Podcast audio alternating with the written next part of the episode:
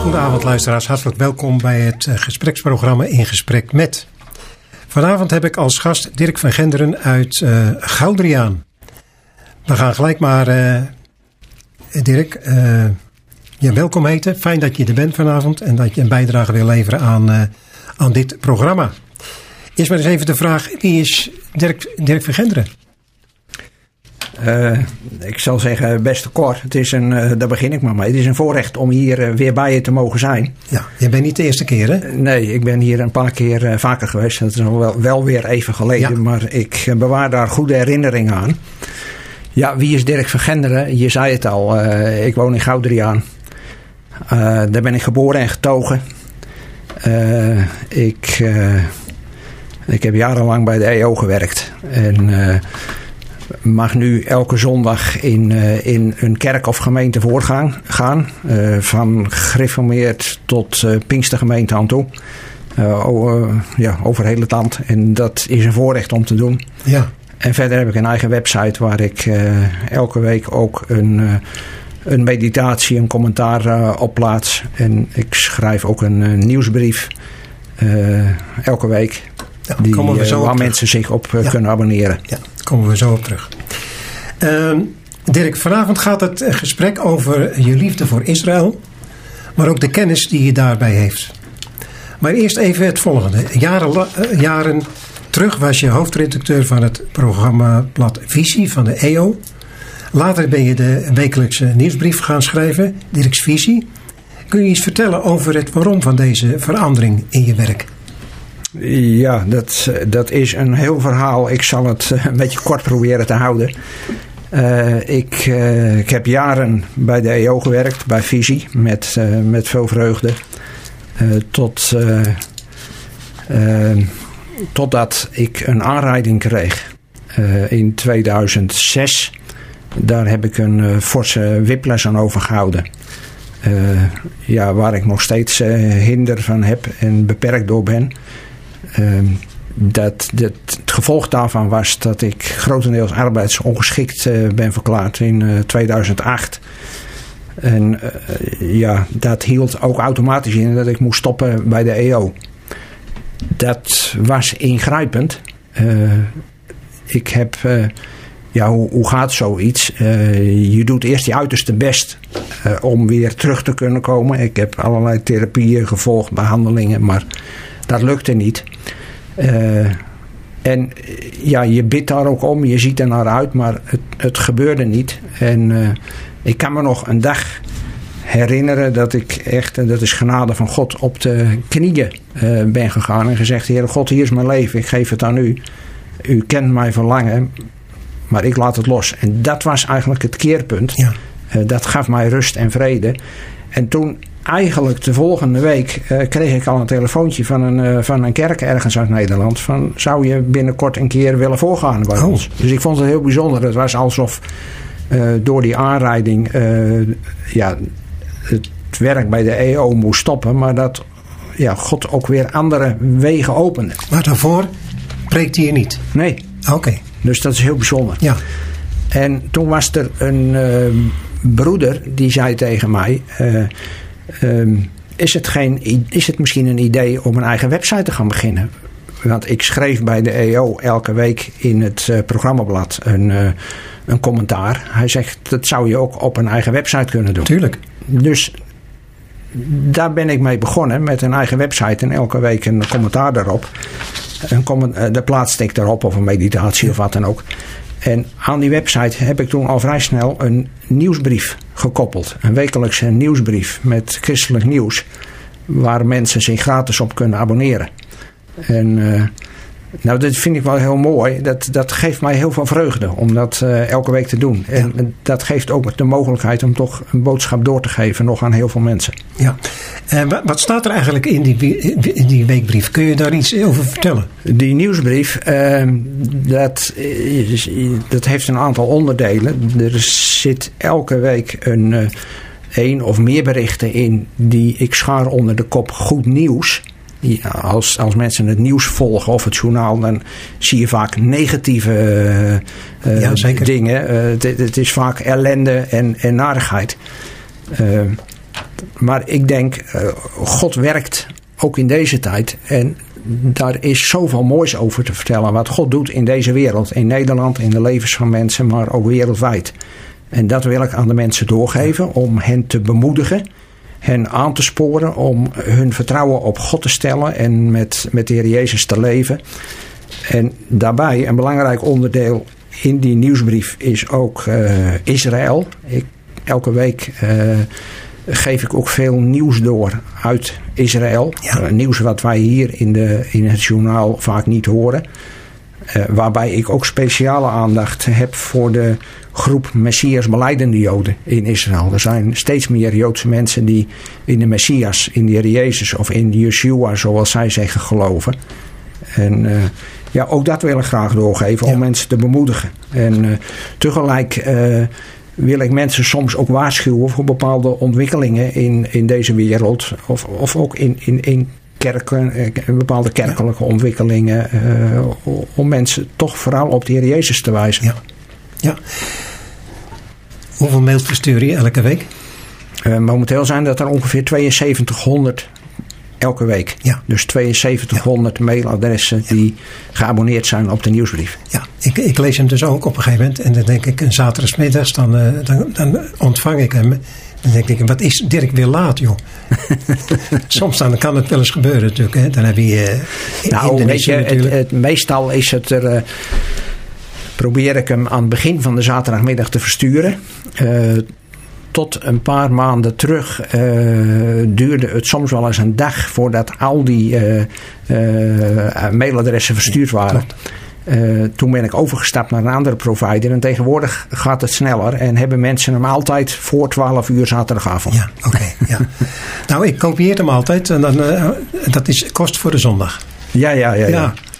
Nou, dat vind ik heel fijn om te horen. En ik krijg ook heel veel reacties erop. Dat ja. Uh, ja, mensen uh, erdoor bemoedigd worden. Dat, dat mensen het waarderen en op prijs stellen. Ja. En ik vind het heel fijn om, uh, om hem elke week te maken. Ja, oké.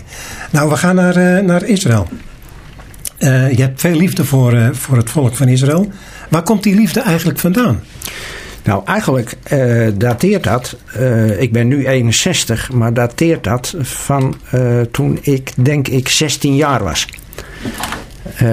een achterneef van mij woonde in Australië en die was een aantal jaar daarvoor met zijn ouders geëmigreerd naar Australië. En die was in Nederland. En die had het plan om een weekje naar Israël te gaan. En hij vroeg bij ons thuis uh, of er iemand uh, bij ons, van mijn broers of mijn zus, iemand interesse had om met hem mee te gaan.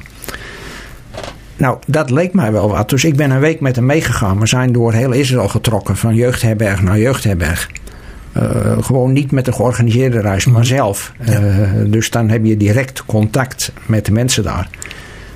En dat heeft mij toch wel erg geraakt en aangesproken. En ik kan me herinneren we ontmoetten daar een eh, man en hij zag er een beetje uit alsof hij een profeet was. Oh ja. gewoon een hele grote, reizige man. Uh, ja, ik denk een jaar of zeventig.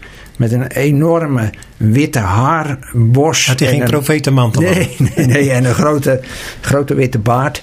En dat was in Jeruzalem en we raakten met elkaar in gesprek. En ik vroeg hem van waarom die, ja, waar hij vandaan kwam en waarom die in Israël was. En hij zei van dat hij uit Australië kwam, dat hij, een, uh, dat hij in, in God geloofde. En dat hij in Israël was om uh, na te gaan hoe ver het stond met de vervulling van de profetie. Oh, ja. Dat vond ik heel mooi. Ja, dat heb ik ook nooit meer vergeten. En uh, ja, tijdens die week in Israël is echt mijn liefde voor Israël ja. eigenlijk ja, ontstaan. Ja. Ja, het is al niet de laatste keer geweest zijn dat je toen geweest bent. Nee, maar toch, ik ben uh, uh, er twee keer geweest in totaal. Oké, okay, nou. Een heel andere vraag.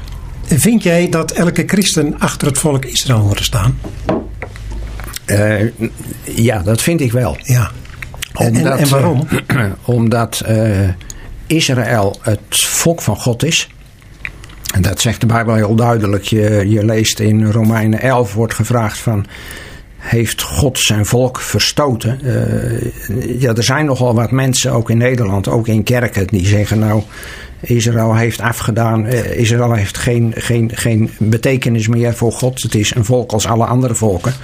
Maar daar in Romeinen 11 het antwoord is: uh, volstrekt niet, geen sprake van. Israël is nog steeds Gods volk.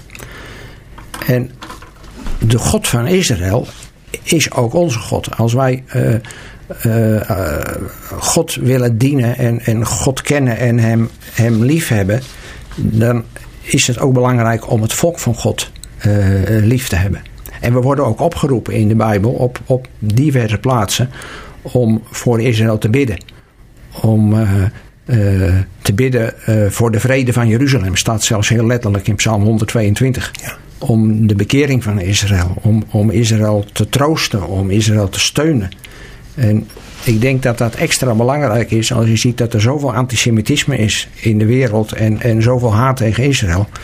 Dat eh, juist de christenen zich verbonden weten met Israël. En dat houdt echt niet in dat je alles goed moet vinden. Nee, Israël doet dat niet. Nee. Maar wel dat, dat, dat we achter Israël staan, dat we opkomen voor Israël. Zou dat negatieve consequenties kunnen hebben? op den duur, als, als je tegen Israël bent? Ja, dat geloof ik zeker. Er staat uh, in uh, Genesis 12, uh, eh, vers 3.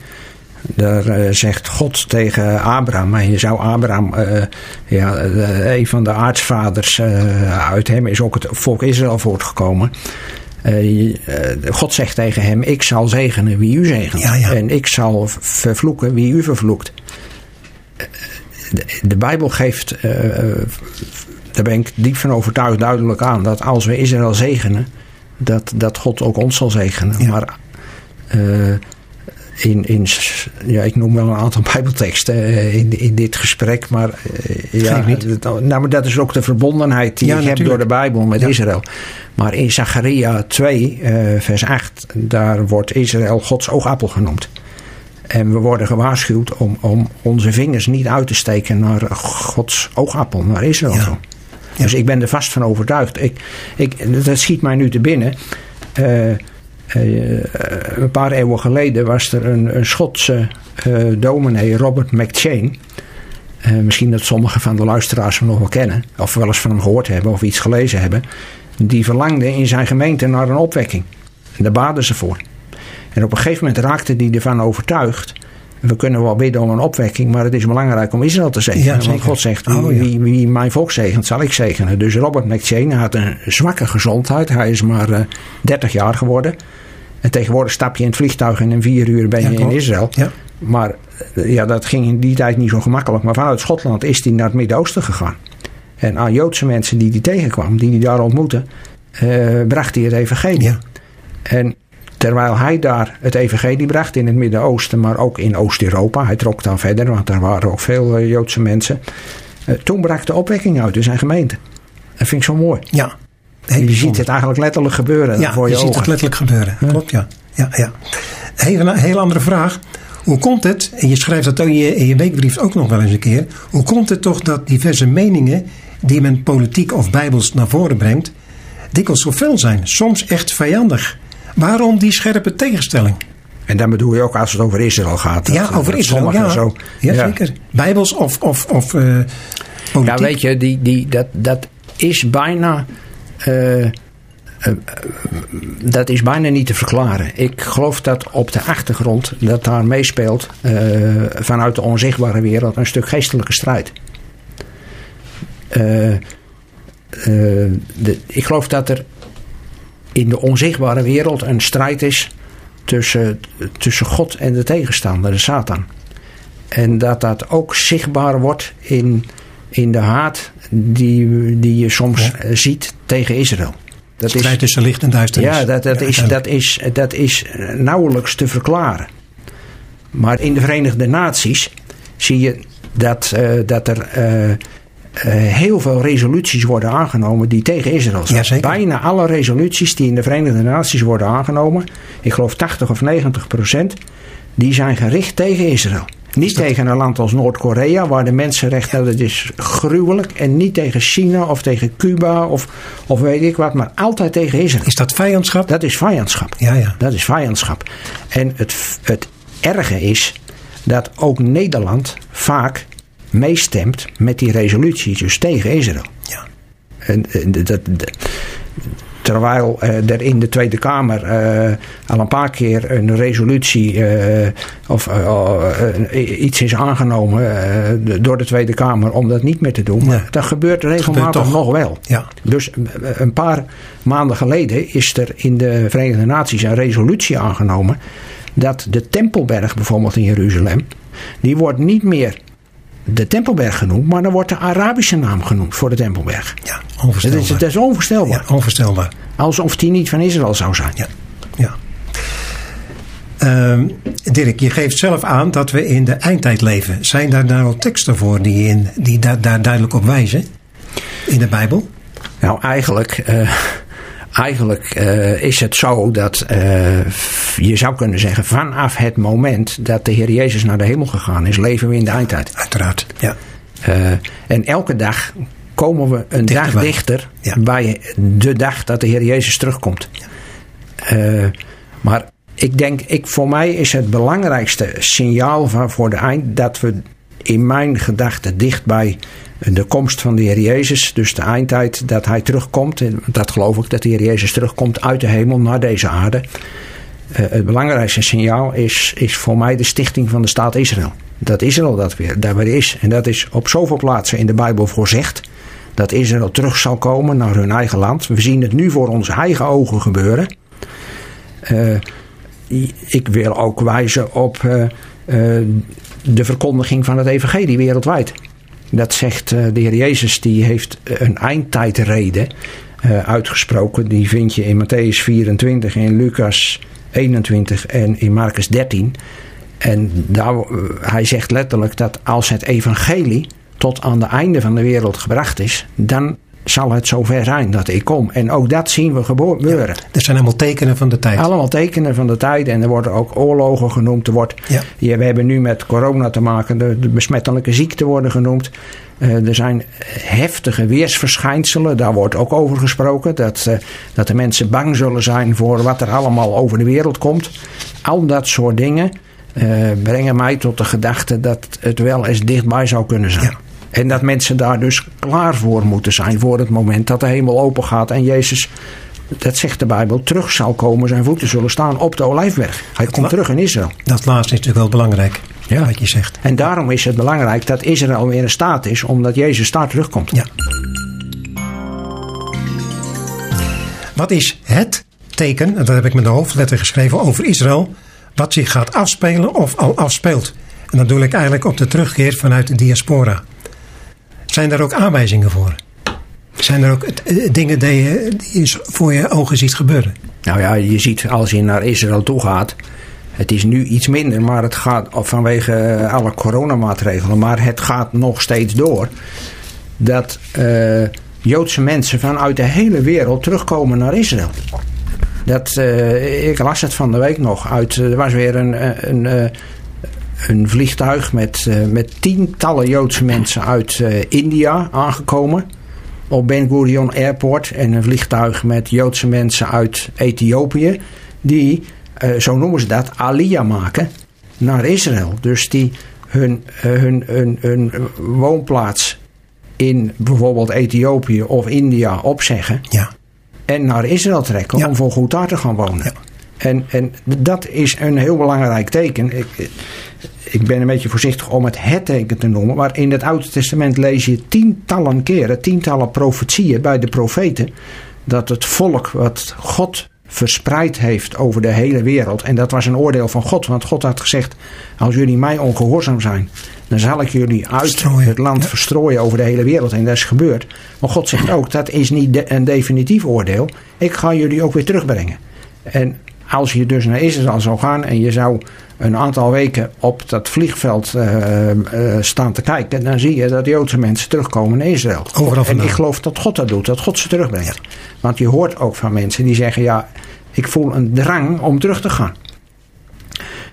Maar het belangrijkste teken is misschien wel dat de Bijbel zegt: er komt een dag dat heel Israël zalig zal worden.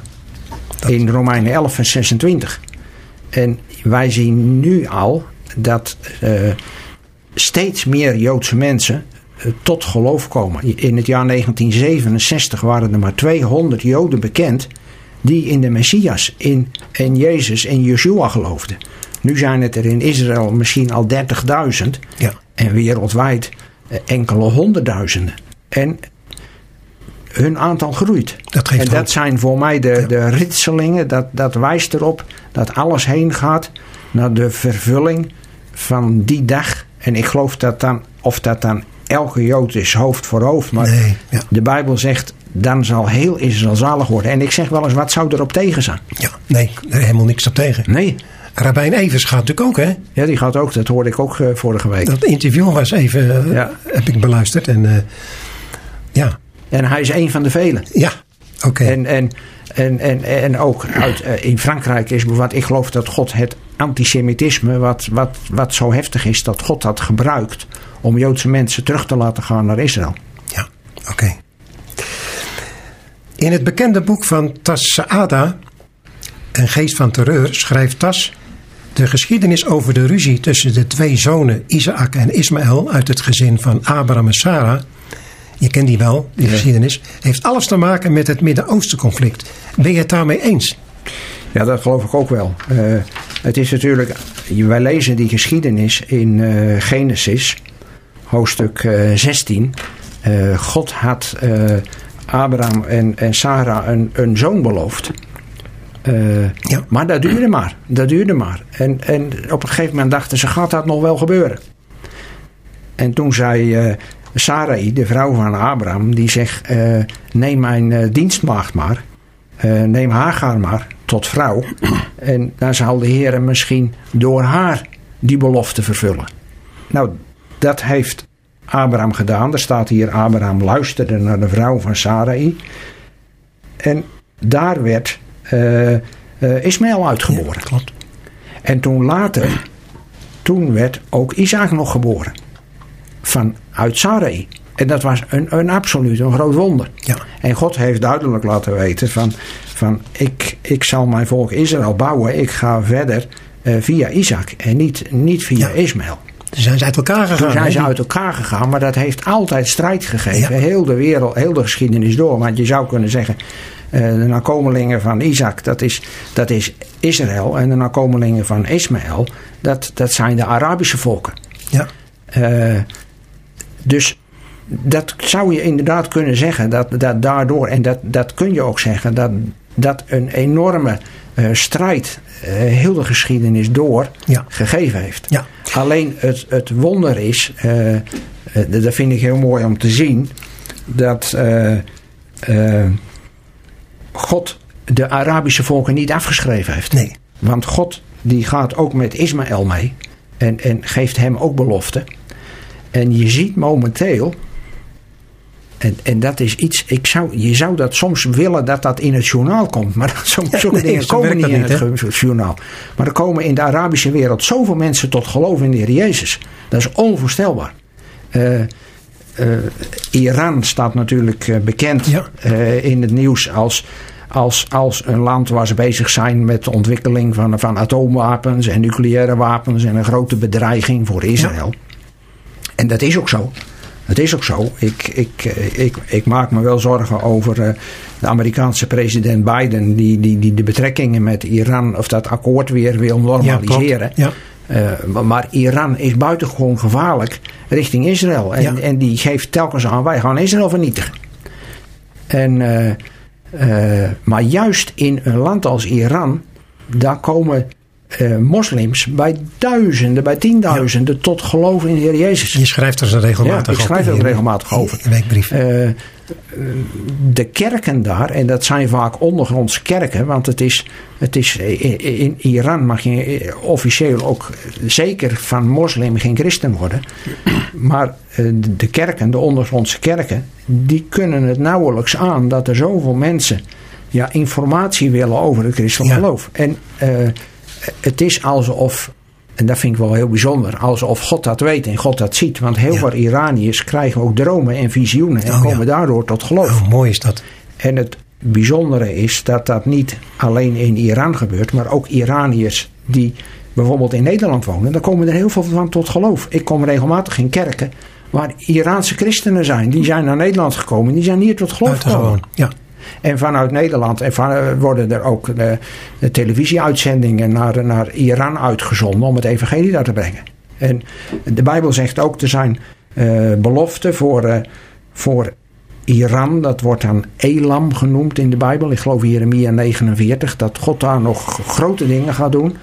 Eh, je ziet ook dat eh, er beloften zijn van God voor Egypte, dat daar heel veel mensen tot geloof Ja. komen. Eh, dus we moeten de Arabische volken niet afschrijven, maar juist bidden Ja. voor de Arabische In ieder geval, ja. Ja. In een ander boek van Tas Saada, Arafat, Pas mijn held, lezen we... Waar komt al die strijd, waar komen al die conflicten bij u toch uit voort? Is het niet uit de hartstochten die strijd voeren in uw binnenste? U verlangt naar iets, maar u krijgt het niet. U bent jaloers en moordlustig, maar u bereikt uw doel niet. U bekvecht en twist met elkaar. U krijgt niets omdat u bidt en als u bidt ontvangt u niets omdat u verkeerd bidt. Slaat hier de apostel Jacobus de spijker precies op zijn kop? Ja, ik denk dat je hier ook doelt op het, eh, conflict tussen Israël en de, en de Arabische Ja, nee. Israël en de Palestijnen. Dat is ook zo. Dat is, dat, dat, dat, conflict dat is, gaat alle eeuwen al door. Eh, wat ik zo mooi vind, en dat zijn voor mij tekenen van hoop. Eh, ik las, dat heb ik ook in mijn nieuwsbrief gezet. eh, vorige week of de week daarvoor las ik eh, over iemand uit Iran. Hebben we weer Iran. Die was tot geloof gekomen in de Heer Jezus. En hij haatte voor die tijd Israël enorm. Israël moet vernietigd worden. Grote haat. En hij haatte Jezus ook. Ja, Want voor hem was, was Allah God. En toen is hij tot geloof gekomen. En vanaf dat moment, dat zegt hij zelf, heb ik een liefde voor Israël gekregen. mooi. En de afgelopen jaren heb ik diverse eh, eh, getuigenissen gehoord, ook van mensen, gelezen ook, die datzelfde zeggen. Dus als hier dat citaat wat je aanhaalt uit Jacobus, gaat het om, om bekvechten, om strijd voeren. Eh, en en dat, dat, dat, ja, dat gebeurt al volop. Eh, maar een teken van hoop is dat er eh, verzoening plaatsvindt aan de voet van het, krui- van het kruis van de Heer Jezus. Ja, Ik denk, er worden in Israël speciale bijeenkomsten georganiseerd tussen Joodse christenen en Arabische christenen en Palestijnse christenen. Dat, dat, dat, dat gebeurt een aantal keer per jaar. En dat is, eh, eh, afgelopen voorjaar is dat ook gebeurd. En dat gebeurde ten tijde dat er eh, die strijd was, een, een maand, twee maanden geleden, tussen Hamas en Israël. ja, En dat, dat gaf enorm veel strijd in Israël. Strijd ook tussen de Arabische Joden in Israël. Eh, mensen gingen op de vuist, dus ontstonden gevechten in Israël. En toen zijn voorgangers en, en Arabische christenen en Joodse christenen zijn bij elkaar gekomen. En die hebben zich voor elkaar verootmoedigd. Die hebben schuld beleden aan elkaar. En daar is verzoening ontstaan. Ja. En, en ja, dat is zo mooi. Ja, Als je dat leest en dat hoort. Ja. En sommige mensen zeggen het conflict is niet oplosbaar. En ik denk het conflict is wel oplosbaar. Ja. Juist aan de voet van het kruis. En daarom zie ik ook uit naar de komst van de Heer Jezus. Als hij komt, zal hij vrede stichten. Zal hij ervoor zorgen. God gaat dwars door alle geweld Dwars door alles. met zijn eigen werk door. Absoluut. En dat, heeft- dat heeft ook met verzoening te maken. Absoluut, Ja. absoluut. Ja, we zijn eh, een beetje aan het einde. Helaas, want we zouden Ja, nog... eh, tijd gaat heel snel. Ja, gaat heel snel, hè? Eens even, eh, in het kort nog even, als, eh, eh, wat er nog niet behandeld is. Als jij daar een opmerking over hebt, dat je zegt van nou, dat wil ik toch nog even kwijt. Heel belangrijk. Vind jij belangrijk? Ehm, nou, wat ik belangrijk vind is eh, als mensen het nieuws volgen eh, en het journaal bekijken, eh, zou ik mensen aan willen sporen om, om kritisch te kijken en kritisch te luisteren. Want niet alles wat je in het nieuws hoort is waar. Niet alles wat je ziet is waar. Ze kunnen met beelden, ook vanuit Israël. Als daar een correspondent of een verslaggever is van het journaal. Die kunnen zelf bepaalde selecties maken. eh, zodat ze eh, een andere boodschap doorgeven dan, dan de waarheid is. En ik zou de mensen willen aansporen en willen vragen: bid voor Israël, steun Israël. eh, eh, vertrouw in alles op God. In deze onzekere tijd, in deze coronatijd. eh, zie op de Heer Jezus. Verwacht het van Hem. Leef met Hem. Ja. Mooi. Heel fijn voor deze slotopmerking. Radio.